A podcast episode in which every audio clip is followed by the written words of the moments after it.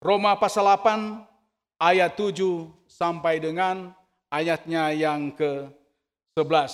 Sebelum kita membaca dan merenungkan akan firman Tuhan pada malam ini, mari kita minta tuntunan Roh Kudus, kita berdoa.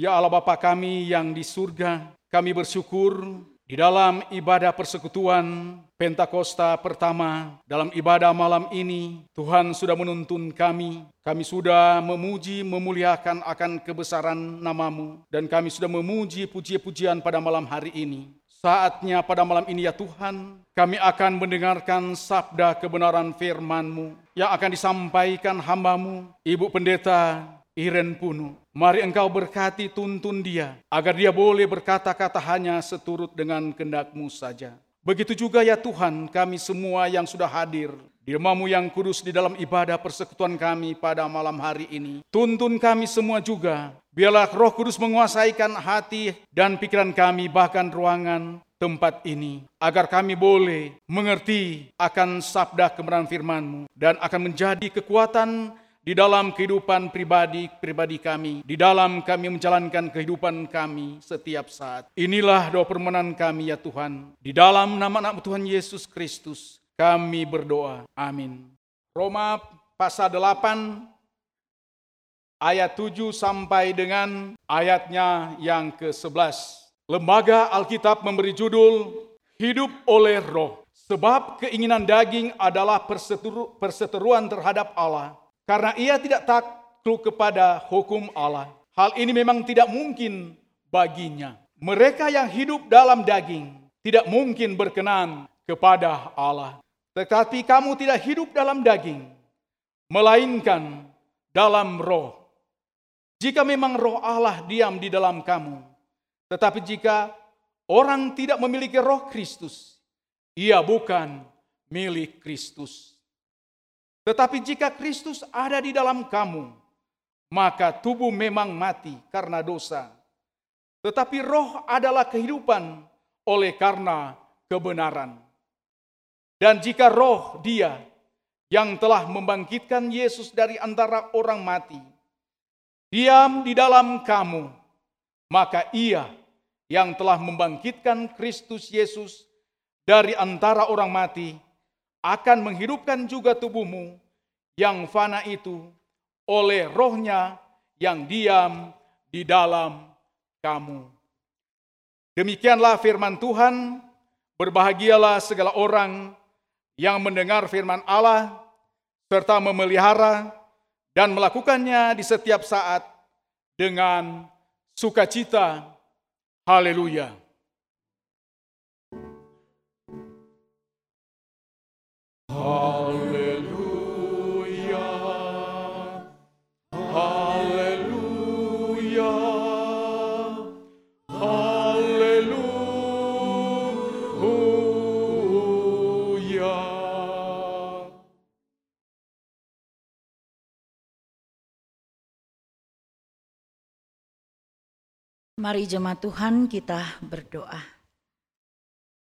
Ada sukacita di dalam hidup kami ini Tuhan, sebab kami merasakan cinta kasih Tuhan yang selalu melawat kehidupan kami, tetapi juga memberkati kami, sehingga hidup kami ini tidak pernah kekurangan, tetapi kecukupan dan kelimpahan berkat-Mu selalu kami alami, baik dalam pekerjaan, dalam keluarga, dalam pribadi kami, tetapi juga segala usaha dan kerja yang kami lakukan.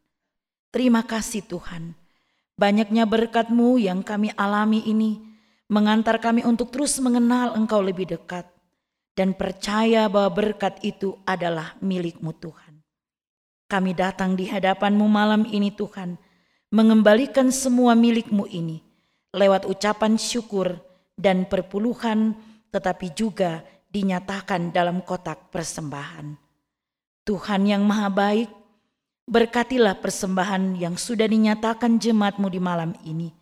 Secara khusus keluarga Jeki Sangganava yang bersyukur untuk anak kekasih Jaiden J. Sangganava yang boleh genap usia 10 tahun pada tanggal 3 Juni. keluarga yang tidak menyebutkan nama mengucap syukur karena berkatmu Tuhan. Berkatilah kedua keluarga dan pribadi ini. Mereka sadar ya Tuhan bahwa apa yang dialami ini adalah kasih dan kemurahanmu. Maka diberkatilah anak Jaiden dalam pertumbuhannya dan diberkatilah keluarga ini yang tidak menyebutkan nama. Perpuluhan dari keluarga yang tidak menyebutkan nama juga dinyatakan di malam ini. Tuhan mengenal siapa mereka, dan biarlah Tuhan memberkati perpuluhannya dan memberkati hidup serta pekerjaannya. Inilah kami Tuhan, kami bersyukur dan membawa persembahan ini kepadamu. Diberkatilah semua jemaat yang sudah memberi malam ini, dan dibukakanlah tingkap-tingkap anugerah berkatmu, sebagaimana janjimu dalam firmanmu, bahwa ketika kami memberi yang terbaik untuk Engkau Tuhan, maka berkat-Mu akan terus nyata di dalam hidup kami. Terpujilah segala kasih dan berkat-Mu Tuhan. Kepadamu kami memohon dan membawa semua persembahan ini. Hanya di dalam nama Tuhan Yesus Kristus kami bersyukur dan berdoa. Amin.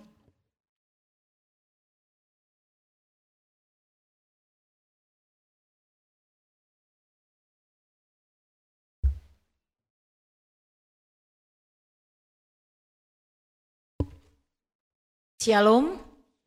Ya, sekali lagi saya menyapa saudara-saudara, Shalom. Hari ini tepatnya kita berada di hari ke-50 sesudah kebangkitan Yesus Kristus dari kematiannya dan sesuai dengan janji Yesus kepada murid-muridnya pada hari ke-50 dia akan memberikan roh kudus memperlengkapi kehidupan murid-muridnya dalam memberitakan Injil tetapi juga memperlengkapi saya dan saudara ketika kita ada di hari ini. Saudara-saudaraku yang sangat dikasih dan diberkati oleh Tuhan kita Yesus Kristus. Pada perikop sebelumnya, kalau kita melihat perikop sebelumnya yang ditulis oleh Rasul Paulus, Paulus menyingkapkan tentang pergumulannya akan dosa dan hidup yang benar. Dan dalam perikop ini, ia memberikan jawaban terhadap pergumulan-pergumulan sebelum perikop yang kita baca malam ini dituliskan. Saudara-saudaraku yang dikasih dan diberkati Tuhan, kenapa kita harus berbicara tentang hidup di dalam roh di saat ini? Kita tahu hari ini kita sedang memperingati atau merayakan hari ketuangan Roh Kudus. Dan karena itu dipahami bahwa Roh Kudus bukan hanya bekerja pada beberapa ribu tahun yang lalu ketika Roh Kudus dituangkan dan menjama para murid-murid Yesus serta 3000 orang yang sekaligus menjadi percaya pada waktu itu tetapi juga Roh Kudus bekerja untuk saya dan saudara, mengantar saya dan saudara untuk mengenal jati diri kita dan melihat apakah saat ini kita ada dalam kedagingan ataukah kita hidup di dalam roh. Saudara-saudaraku yang sangat dikasih dan diberkati oleh Tuhan kita Yesus Kristus, kalau kita memperhatikan pembacaan Alkitab kita di malam hari ini, Paulus menguraikan dua golongan orang. Yang pertama, golongan orang yang hidup dalam kedagingan dan yang kedua adalah golongan orang yang hidup di dalam roh. Hal ini dituliskan oleh Rasul Paulus untuk mengingatkan orang-orang percaya yang ada di Roma belajar dari pribadi Rasul Paulus sendiri. Ketika dahulunya dia hidup dalam kedagingan, seorang ahli Taurat terkenal sangat pintar, tetapi pernah menghujat dan membunuh pengikut-pengikut Kristus. Pengalaman zaman Roh Kudus inilah yang dialami oleh Rasul Paulus kemudian diajarkan dan diingatkan kepada orang-orang percaya di Roma bagaimana sebenarnya zaman Roh Kudus yang mengubah kehidupan seseorang mengalami kelahiran baru.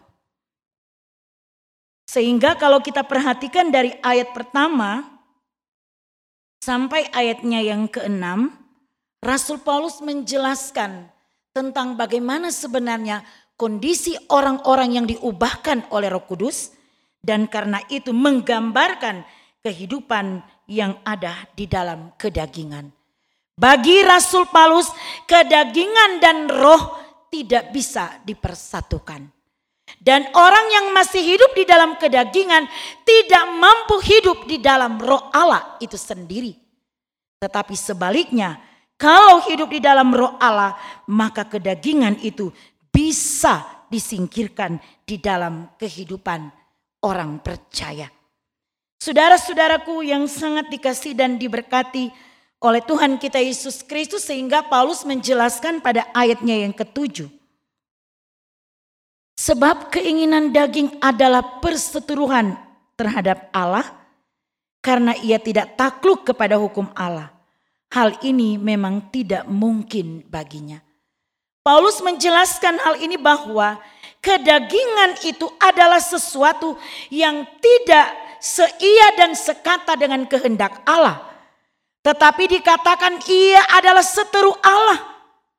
Dan karena itu kedagingan inilah yang kemudian mengantar kehidupan orang percaya itu lebih takluk kepada hukum Taurat daripada kepada roh Allah itu sendiri. Mereka yang hidup dalam daging tidak mungkin berkenan kepada Allah, kata Rasul Paulus.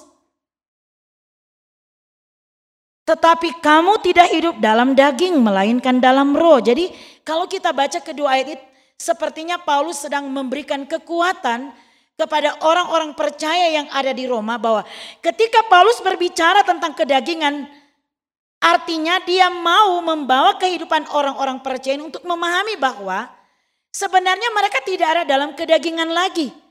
Dalam hidup kedagingan itu yang sudah dijelaskan dalam kitab Galatia. Galatia 5 ayatnya yang ke-16 sampai ayatnya yang ke-26 kalau kita baca keseluruhan di situ dijelaskan ya bagaimana sebenarnya hidup dalam kedagingan dan bagaimana sebenarnya hidup di dalam roh itu sendiri. Dan karena itu Paulus mau orang-orang kudus di sana melihat bahwa konteks hidup mereka yang sudah menerima Kristus seharusnya tidak lagi hidup di dalam kedagingan itu sendiri. Karena dicatat pada ayatnya yang keenam Roma 8, karena keinginan daging adalah maut, tetapi keinginan roh adalah hidup dalam damai sejahtera. Dan Paulus memberikan penghiburan serta kekuatan kepada umat ini bahwa sebenarnya mereka bukan ada dalam konteks itu saudara-saudara. Mereka sudah hidup di dalam roh Allah. Dan karena itu mereka adalah milik roh Kristus. Sehingga mereka layak disebut ahli waris kerajaan Allah. Saudara-saudaraku yang sangat dikasih dan diberkati oleh Tuhan kita Yesus Kristus. Pada ayatnya yang ke-10 dan ke-11, di situ Paulus katakan, Tetapi jika Kristus ada di dalam kamu, maka tubuh memang mati karena dosa, tetapi roh adalah kehidupan oleh karena kebenaran. Dan jika roh dia yang telah membangkitkan Yesus dari antara orang mati diam di dalam kamu, maka ia yang telah membangkitkan Kristus Yesus di antara orang mati akan menghidupkan juga tubuhmu yang fana itu oleh rohnya yang diam di dalam kamu. Sepertinya Paulus sedang menjelaskan tentang dogma Kristen kepada orang-orang Roma dalam tulisan ini, tetapi juga kepada saya dan saudara. Bahwa ketika kita hidup di dalam roh Allah itu sendiri, maka kematian bukanlah jalan hidup terakhir bagi saya dan saudara. Melainkan kematian adalah lembaran kehidupan baru bagi saya dan saudara. Entah itu mati secara fisik ataupun mati karena dosa-dosa kita. Saudara-saudaraku yang sangat dikasih dan diberkati oleh Tuhan kita Yesus Kristus.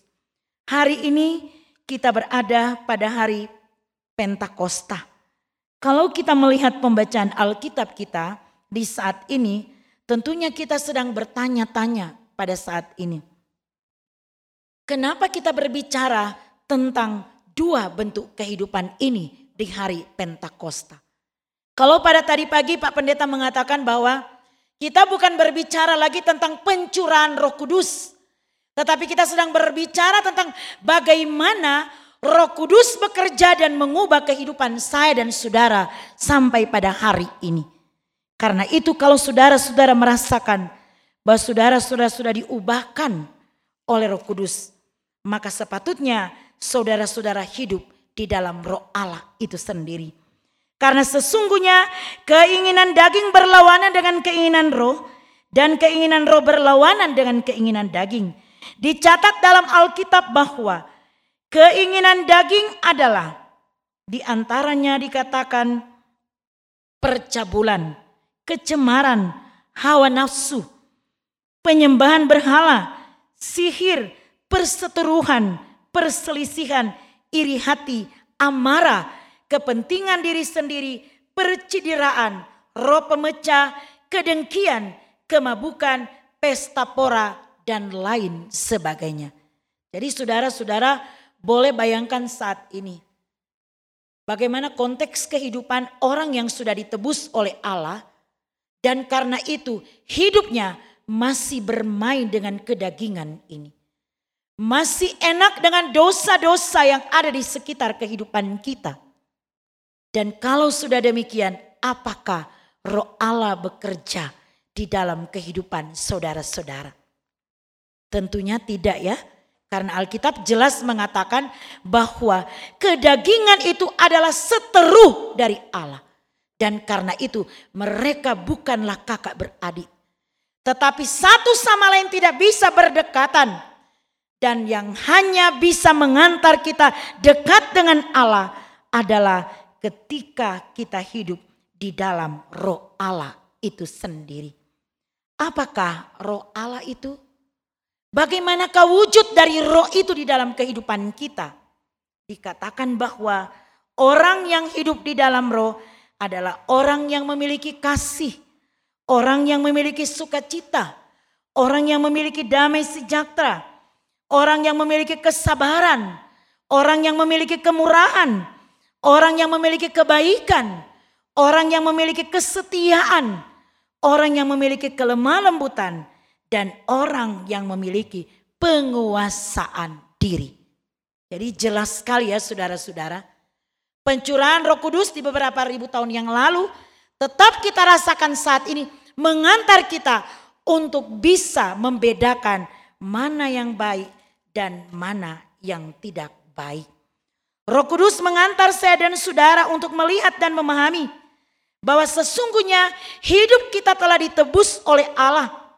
Dan karena itu, kalau kita lihat pada Roma 12 ayat 2, di situ dikatakan begini.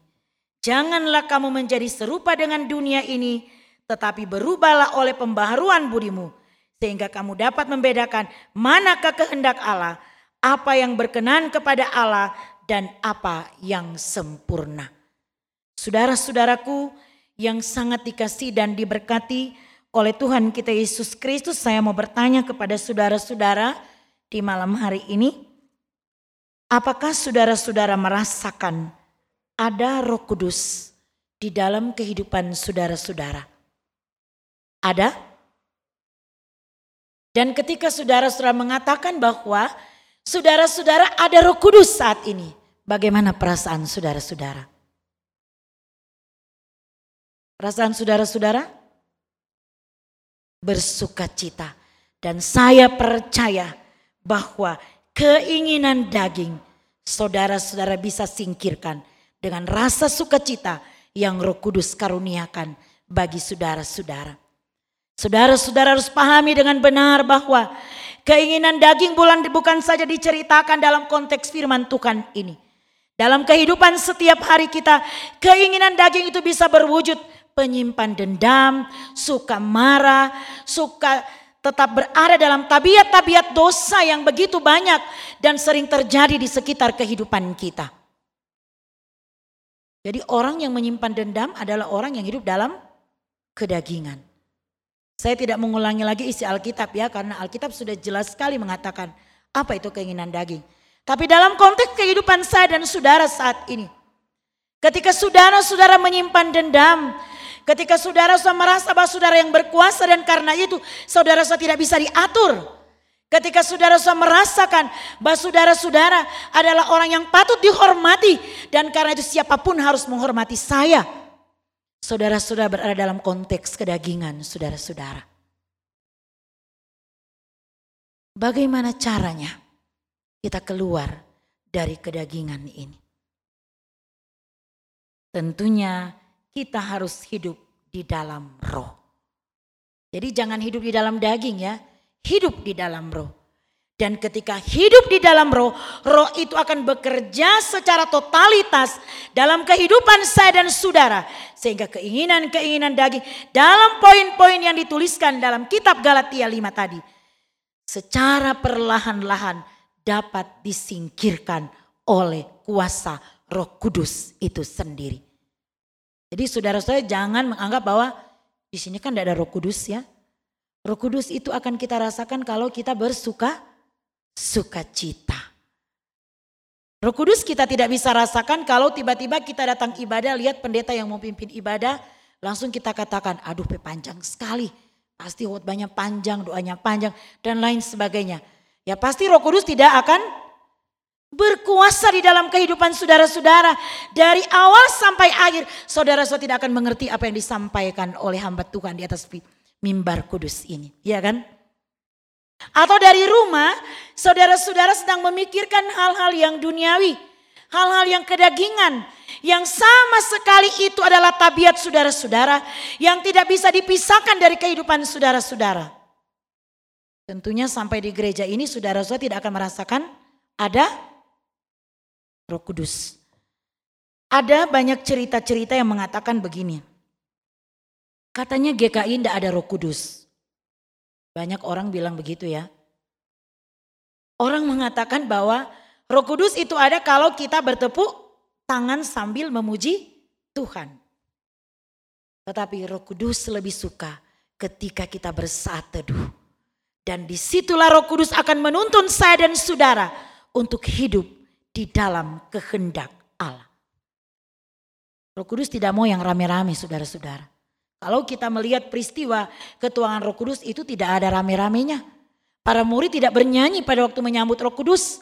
Tetapi di saat mereka bersaat teduh itulah mereka menerima Roh Kudus. Dan hari ini saya percaya saudara-saudara sudah dan sementara menikmati Roh Kudus. Sehingga keinginan-keinginan daging itu dijauhkan dari kehidupan saudara-saudara. Saudara-saudara akan dipimpin oleh roh Allah. Karena saudara-saudara adalah anak-anak Allah. Saudara-saudara menerima roh Allah. Dan karena saudara-saudara bukan berada dalam konteks perbudakan. Konteks ketertekanan. Kalau di tempat kerja mungkin saudara-saudara tertekan. Saya mau katakan tidak ada roh kudus dalam kehidupan saudara-saudara. Karena Roh Kudus mengantar kita untuk menerima segala kondisi yang ada. Baik ataupun tidak baik, kita berkarya untuk kemuliaan nama Tuhan. Roh Kudus tidak mengantar dan menuntun saya dan saudara untuk mengeluarkan kata-kata kotor di dalam kehidupan kita.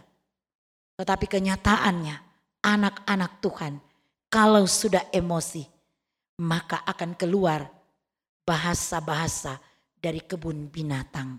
Ya tidak? Ya. Tetapi lebih dari itu juga kita tidak bisa menahan emosi kita. Dan karena itu tanpa kita sengaja kita sudah menciptakan perselisihan satu dengan yang lain. Saudara-saudaraku yang dikasih Tuhan, Roh Kudus yang hidup di dalam kehidupan saudara-saudara akan terus bersaksi dengan kehidupan saudara-saudara. Karena itu, marilah kita hidup bersaksi. Belajar dari pengalaman-pengalaman iman kita. Kalau dahulunya kita terpuruk dengan persoalan kita. Dengan perbuatan-perbuatan yang tidak baik kita. Mari saudara-saudara kita bangkit bersama dengan roh kudus. Kita bersaksi dengan apa yang sudah kita alami. Jadilah murid-murid Kristus yang ada di saat ini. Karena kita adalah anak-anak Allah. Tugas kita sekarang adalah bersaksi, bersekutu, dan melayani. Dari tugas gereja ini bukan hanya dilihat dari tugas pendeta, penatua, dan siamas. Tetapi semua orang yang percaya kepada Kristus. Yang sudah menjadi sidi-sidi jemaat. Menjadi tanggung jawab bersama untuk menceritakan kebaikan-kebaikan Tuhan di dalam kehidupan kita. Terimalah roh kudus yang sudah dicurahkan pada beberapa ribu tahun yang lalu, terus bergerak sampai saat ini, sampai kedatangan Tuhan yang kedua kali. Hiduplah di dalam roh kudus. Dan saya percaya roh itu akan bekerja membawa saudara-saudara hidup dalam kebahagiaan dan sukacita. Roh kudus telah ada dalam kehidupan saudara-saudara dan saya percaya malam ini saudara-saudara bersukacita. Amin. Sebelum kita datang dalam doa syafaat dan berkat, kita akan mendengarkan beberapa hal yang akan disampaikan oleh panitia pemilihan majelis jemaat. Terima kasih Bu Pendeta, Bapak Ibu Jemaat sekalian sebelum kami membacakan kembali eh, nama-nama uh, calon bakal calon majelis GKI Kalvari periode 2022-2027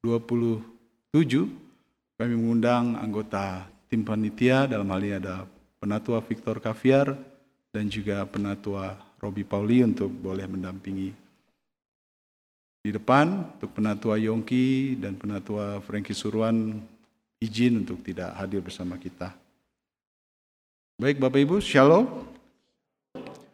Seperti kita ketahui bersama bahwa proses pemilihan bakal calon majelis GKI Kalvari Tembagapura periode 2022-2027 sudah berlangsung sejak bulan Mei di mana proses pengiriman atau pembagian kartu suara atau surat suara melalui koordinator Ryan sudah dilakukan dan juga sudah dilakukan proses pengumpulan kembali dan proses perhitungan telah dilakukan oleh tim panitia pemilihan pada 27 Mei 2022 dan hasilnya telah kita ketahui bersama di minggu lalu di 29 Mei telah dibacakan untuk bakal calon majelis dari seluruh rayon, rayon 1 dan rayon 4. Tapi sebagai syarat untuk kita bacakan secara dua kali minggu berjalan, maka izinkan kami akan membaca kembali summary daripada surat suara yang telah masuk. Sebagai informasi Bapak Ibu dan jemaat sekalian, rayon 1 telah masuk sebanyak 22 lembar surat suara, dengan jumlah suara 115 bakal calon yang dipilih 16 orang dengan jumlah kepala keluarga saat ini 14 kepala keluarga.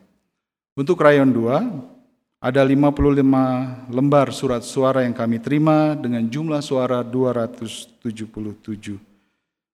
Bakal calon 30 orang dan jumlah jumlah kepala keluarga saat ini di rayon 2 adalah 25 kepala keluarga.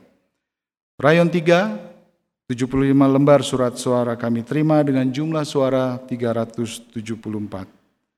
Bakal calon 48 orang dengan jumlah kepala keluarga saat ini untuk Rayon 3 sebanyak 35 kepala keluarga. Rayon 4, 67 lembar surat suara, suara yang kami terima dengan jumlah suara 323 Bakal calon yang masuk di penyaringan 56 orang dengan 86 pemilih. Sehingga untuk total surat suara yang kami terima adalah sebanyak 219 surat suara. Bapak Ibu, jemaat sekalian, dan berturut-turut akan kami bacakan nama-nama bakal calon di setiap rayon masing-masing. Untuk rayon satu berturut-turut Ibu Stella Sigarlaki, Ibu Yulia Monica Nancy Waturandang, Bapak Raja Sijabat, Bapak Daniel Kawer, Bapak Hengki Rumbino, dan Bapak Ronald Sitepu. Kemudian untuk rayon dua berturut-turut, Bapak Herix Romeo Awom, Bapak Jeki Sanggenafa, Bapak Ayub Mandibon Dibo, Bapak Martin Pabio, Bapak Turgot Nainggolan, Bapak Obed Simo Piarev, Bapak David David Eldron Betai, dan Bapak Suharto Sitorus. Rayon tiga, yang pertama dan berturut-turut Bapak Jonggi Sitorus, Bapak Esron Pinto, Bapak Alex Yawan, Bapak Darmani, Ibu Darmani Resowiyoto Tuwaidan, Bapak Franky Suebu, Bapak Posma Matondang, Bapak Reinhard Lendo, Bapak Kris Purwanto, Bapak Devi Yosef Franz Pelupesi, Bapak Ferdi Abdullah, Bapak Agus Napitu, Bapak Jarod Irnawan Purnama Adi, dan Bapak Ferdi Yosef. Untuk rayon 4 berturut-turut Bapak Andi Worumi, Bapak Binsar Hamonangan, Bapak Adi Taurui, Bapak Philip Wopari, Ibu Mudita R. Parahita, Bapak Bavo Mambeau, Ibu Meike Sinceu Wambrau, Bapak Carlos Kilmas Kosu, Bapak Benget Mei Ronson Hutahuruk, Bapak Frankie Worobai, Bapak Hendrik Panjaitan, Bapak Daniel Pikarima, Bapak Festus Awom, Bapak Pratita Puryaditmika, Bapak Yan Patalintin, Bapak Leonardo Ardiles Auri, dan Bapak Albert Mendila. Demikian nama-nama calon bakal calon majelis di setiap rayon satu dengan rayon 4 dan sebagai informasi seperti tadi disampaikan di warta bahwa rencana peneguhan majelis yang terpilih nantinya adalah di tanggal 3 Juli 2022 yang sebelumnya dua hari sebelumnya tanggal 1 dan tanggal Juli 2 Juli akan dilakukan orientasi oleh Badan Pelaksana Kerja BPK Mimika yang akan memberikan materi-materi tentunya di saat orientasi. Untuk itu tentu diharapkan para bakal calon majelis mempersiapkan diri seperti karena kita tahu bahwa Persiapan ini sangat penting bagi Bapak Ibu sekalian calon majelis karena peristiwa ini adalah bukan peristiwa yang terjadi setiap tahun, bisa terjadi lima tahun sekali. Dan tidak semua orang, mungkin banyak orang rindu untuk menjadi pelayan Tuhan, tapi seperti dikatakan dalam Yohanes 15 ayat 16a, bukan kamu yang memilih aku, tetapi aku yang memilih kamu. Dan tema malam hari ini sangat berkaitan Bapak Ibu di mana Roh Kudus berkuasa melakukan perubahan dalam hidup manusia. Dan kita sebagai para bakal calon tentu adalah bagian dari manusia dan kita berharap Roh Kudus melakukan perubahan dalam kehidupan kita. Jika Bapak Ibu mungkin merencanakan untuk melakukan perjalanan cuti, mungkin masih bisa diatur kembali bagaimana untuk kita hadir dalam proses orientasi dan juga peneguhan pada 3 Juli 2022. Kami mohon dukungan seluruh warga jemaat yang hadir malam ini maupun yang menyaksikan melalui YouTube untuk kita topang dalam doa agar para bakal calon memberikan saat teduh berbicara dengan Tuhan. Apakah ini perubahan hidup dalam kehidupan mereka secara pribadi maupun di tengah-tengah keluarga dan jemaat. Demikian informasi dari panitia pemilihan. Dan jika dalam minggu berjalan tidak ada situasi yang mendesak atau apa pun, maka seluruh bakal calon ini akan ditetapkan oleh panitia untuk dibacakan kembali pada 12 Juni 2022. Demikian Bapak Ibu, Tuhan Yesus memberkati. Shalom. Mari kita berdoa. Ya Allah Bapa Tuhan yang kami muliakan di dalam nama Yesus Kristus. Allah yang kami sembah dan puji dalam ibadah peringatan ketuangan Roh Kudus di saat ini.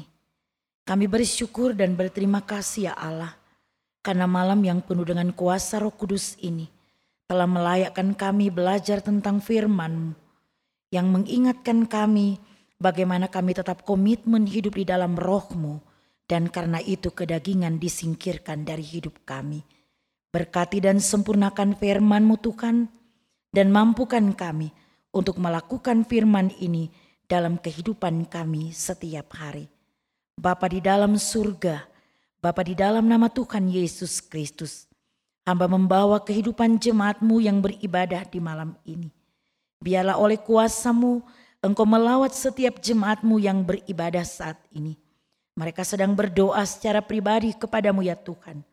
Mereka membawa pergumulan mereka, sukacita mereka, harapan mereka, pribadi mereka, keluarga mereka, istri, suami, dan anak-anak. serta pekerjaan dan segala usaha yang dilakukan. Tuhan Allah, Engkau adalah sumber berkat kehidupan kami. Maka kiranya Tuhan memberkati jemaatmu ini. Apa pun yang mereka lakukan, apa pun yang mereka jalani, Tuhan, Engkau curahkan roh kudusmu untuk berkuasa, memimpin kehidupan jemaatmu, sehingga segala sesuatu yang mereka lakukan Tuhan dapat dilakukan dengan baik dan akhirnya mereka boleh memetik hasil dari segala usaha mereka berkat tuntunan kuasa roh kudusmu. Berkatilah setiap doa-doa yang sudah disampaikan oleh jemaatmu kepadamu Tuhan. Hamba percaya roh kudusmu sedang bekerja dan menjawab setiap doa-doa pribadi yang disampaikan oleh jemaatmu saat ini. Ketika mereka berdoa untuk pekerjaan mereka Tuhan. Tuhan berkatilah pekerjaan jemaatmu. Jika engkau berkehendak ya Tuhan, tambah-tambahkan berkat di dalam pekerjaan jemaatmu ini. Jemaatmu ini adalah karyawan dan karyawati, tetapi juga adalah pimpinan di perusahaan PT Freeport, kontraktor dan privatisasi. Ada yang bertugas sebagai pengajar atau pendidik di YPJ, tetapi juga ya Tuhan, ada yang bekerja sebagai medis, dokter dan perawat, dan juga ada yang bekerja sebagai TNI dan Polri. Tuhan, Engkau yang begitu baik akan memberkati setiap tugas dan kerja jemaatmu.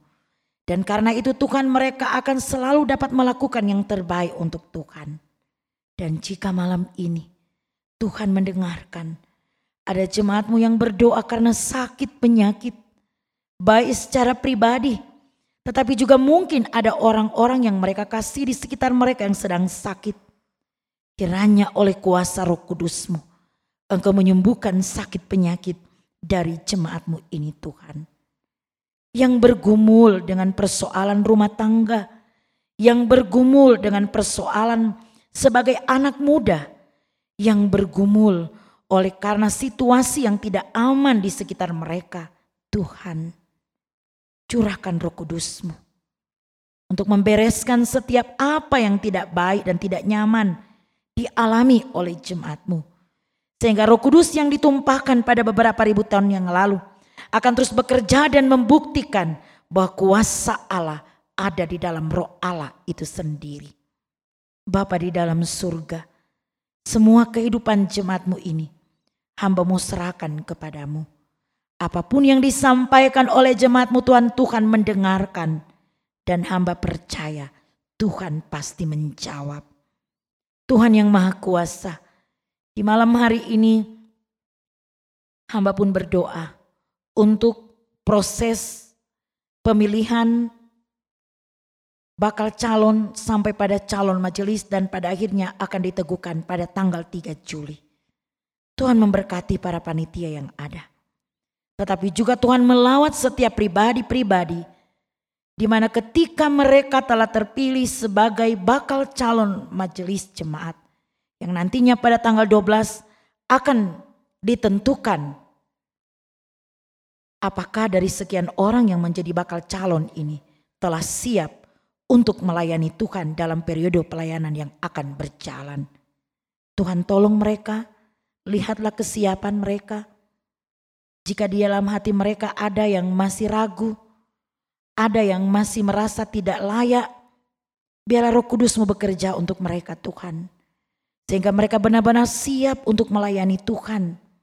Tanpa memunculkan alasan-alasan yang tidak tidak baik di dalam kaitan dengan status mereka yang akan menjadi majelis nanti. Hanya Tuhan yang tahu hati mereka dan hamba serahkan kepadamu ya Tuhan.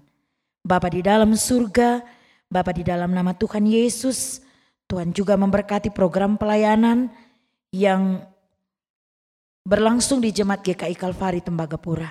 Berkati Bapak Pendeta Roki Taime, berkati para penatua siamas yang ada, biarlah roh Allah tetap menggerakkan kami menjadi orang yang setia dan terus setia bekerja mengakhiri program tahun pelayanan ini Tuhan. Biarlah kami boleh melayanimu dengan segenap hati. Dan pada akhirnya Tuhan, kami boleh memuliakan Tuhan. Tuhan Allah Bapa di dalam surga, seluruh pribadi yang melayani di malam ini. Mulai dari kami yang ada di altarmu yang kudus ini Tuhan. Tapi juga pendeta Penatua Syamas, pemain organ, singer, multimedia, dan radio suara kasih. Engkau lihat kami yang sudah melayanimu Tuhan. Kalau pelayanan kami malam ini ada yang tidak baik, Tuhan ampuni kami dan sempurnakan pelayanan ini. Supaya pelayanan ini menjadi berkat untuk jemaat. Tetapi lebih dari itu Tuhan, untuk kepujian dan kemuliaan namamu. Terima kasih ya Tuhan. Terima kasih ya Yesus. Inilah doa kami di malam ini. Ampuni dosa dan salah kami Tuhan. Hanya di dalam nama Tuhan Yesus Kristus dan di dalam kuasa Roh Kudus kami berdoa kepada Bapa di dalam sorga. Amin.